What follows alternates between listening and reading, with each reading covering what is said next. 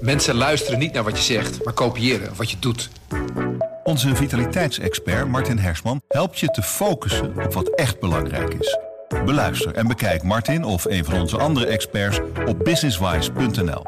Businesswise, het nieuwe platform voor iedereen met ambitie. Goedendag, dit is het nieuwsoverzicht van de Stentor. Vattenfall is de eerste van de drie grote energiemaatschappijen die vanaf 1 april onder het prijsplafond duikt. Voor zo'n 700.000 klanten worden de tarieven gehalveerd.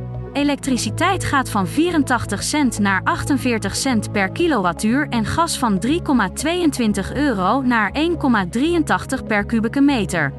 Ook kondigt het bedrijf weer vaste contracten aan. Volgens directeur Cindy Kroon wordt de energiemarkt echter nooit meer zoals vroeger. Een nieuw zebrapad in Lochem wekt veel verbazing.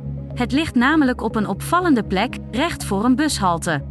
Zo is het voor automobilisten onduidelijk of iemand wil oversteken of op de bus staat te wachten. De gemeente heeft deze geplaatst na een handtekeningenactie waarin werd gepleit voor zebrapaden. Lochem ziet nog geen aanleiding om dit zebrapad aan te passen. Investeerders van het failliete Excellent Zorgvastgoed Garantiefonds uit Deventer hebben nog altijd geen euro teruggezien van hun belegging. De kans is klein dat dit nog gebeurt, want van de 7,4 miljoen euro is na verkoop van panden in Zutphen en Terwolde nog slechts 1,2 miljoen over. De rest is verdampt. In theorie zou het nog wel kunnen dat oud-bestuurders aansprakelijk worden gesteld. De politie heeft twee jonge verdachten opgepakt na een steekpartij vorige week in Zwolle. Een 19-jarige Zwollenaar werd op heterdaad aangehouden, zijn minderjarige plaatsgenoot werd later gearresteerd. Een 20-jarige man uit Wezen raakte vrijdagavond gewond. De politie doet verder onderzoek naar het steekincident. Het dodental na de aardbevingen in Turkije en Syrië is inmiddels opgelopen tot bijna 5000.